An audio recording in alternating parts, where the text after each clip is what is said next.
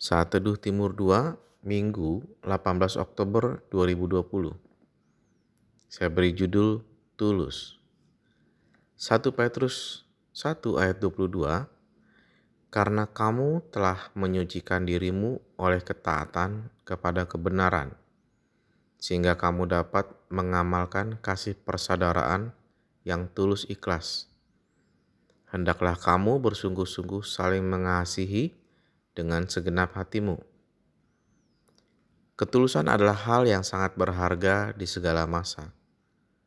Dengan kegembiraan dan ketulusan, jemaat mula-mula semakin ditambah-tambahkan.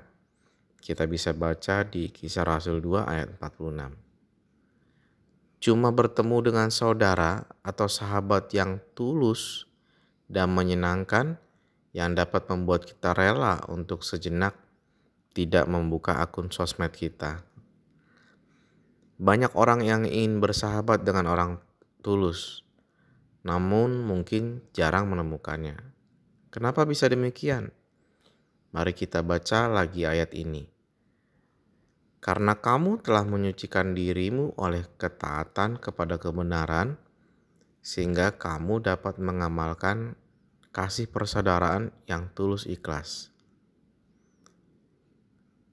Ketulusan perlu melalui proses taat kepada kebenaran. Ini bukan perkara yang mudah. Ini adalah kesungguhan merenungkan firman Tuhan dan juga menyalipkan keinginan daging. Orang yang seperti ini sudah terbiasa menomorduakan egonya sendiri. Ketulusan adalah karpet yang empuk dan kudapan yang enak di dalam pertemuan. Bila ketulusan hadir, siapa yang memperdulikan waktu? Orang jauh pun menjadi sahabat. Ketulusan adalah selimut yang tebal dan lembut di dinginnya udara puncak. Semua orang membutuhkannya. Amin.